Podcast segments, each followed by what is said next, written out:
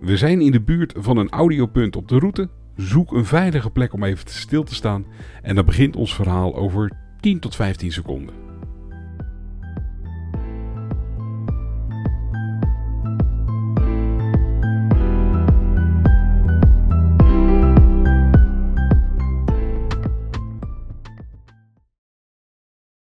We staan hier op de eerste opstapplaats van vervoersbedrijf Maars en Kroon, wat begon in Lamuiden en uiteindelijk verhuisde naar Alsmeer.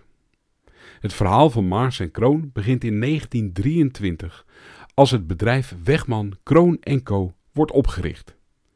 Ze beginnen dan met één bus, een vijf jaar oude legertruck gebouwd door General Motor Corporation in Amerika voor de oorlog in Europa waarop een provisorische bak is getimmerd waarin plaats was voor onder andere 18 passagiers. Vanaf 1 februari dat jaar begon de busdienst om kwart over zeven bij de brug over de Leidse Vaart in Rijnzaterwoude. En vier keer per dag reed deze bus de route via Lamuiden, Oude Wetering, Roelofarsveen, Rijpwetering, Oud-Aden naar eindpunt de Turfmarkt in Leiden voor de som van 65 cent.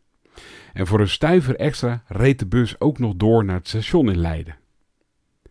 En natuurlijk waren er in die tijd geen vaste halteplaatsen voor bussen.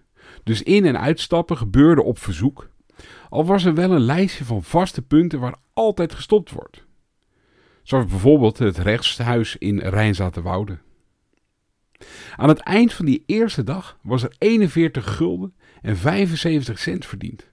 Onder andere aan de burgemeester en wethouders van Lamuiden, die allemaal ingestapt waren. Kijk, in die tijd waren de bussen nog niet zo comfortabel als nu. Zo verteld zaten de passagiers in een laadbak van een oude legertruck, hè, waar een houten frame op was gebouwd met ramen en banken in een U-vorm en zeildoek als bekleding. Passagiers stapten achterin in, liepen door naar de voorkant waar ze door middel van een schuifraam geld konden geven aan de chauffeur die trouwens ook verantwoordelijk was voor het zorgdragen dat de karbietlampen brandden in de bus. De reservebanden, en net als de originele banden, waren dat massieve banden die niet lek konden raken, maar ook niet heel comfortabel reden. Die reservebanden lagen op de cabine van de chauffeur zodat ze snel gepakt konden worden. En in die tijd moest de motor nog aangejaagd worden met een slinger. Dus op koude dagen was de chauffeur eerder op temperatuur dan de motor zelf. En met deze eerste bus die door een rare fluitgeluid van de 48 pk sterke motor al snel de kloek werd genoemd, begon het avontuur van 50 jaar lang Maars en Kroon. Een bedrijf dat bekend werd door de stipte dienstverlening en goed materieel. Trouwens, bij gebrek aan een eigen kantoor werd er tussen 1923 en 1930 gewerkt vanuit Café Het Wapen van Lamuiden in het centrum van Lamuiden.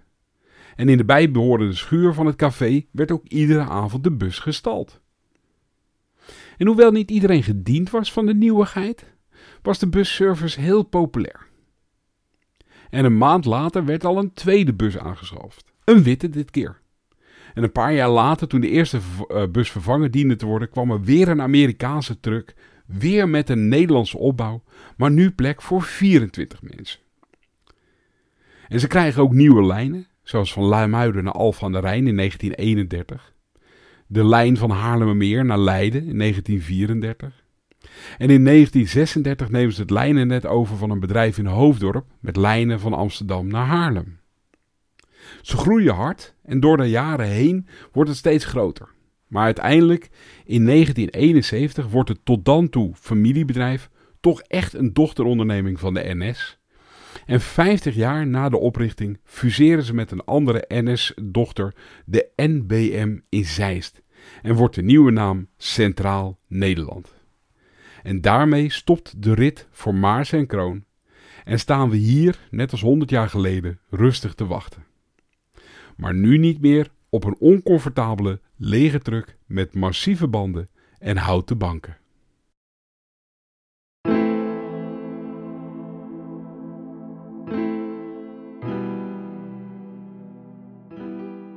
Hey, dankjewel voor je aandacht. Dat was dit audiopunt.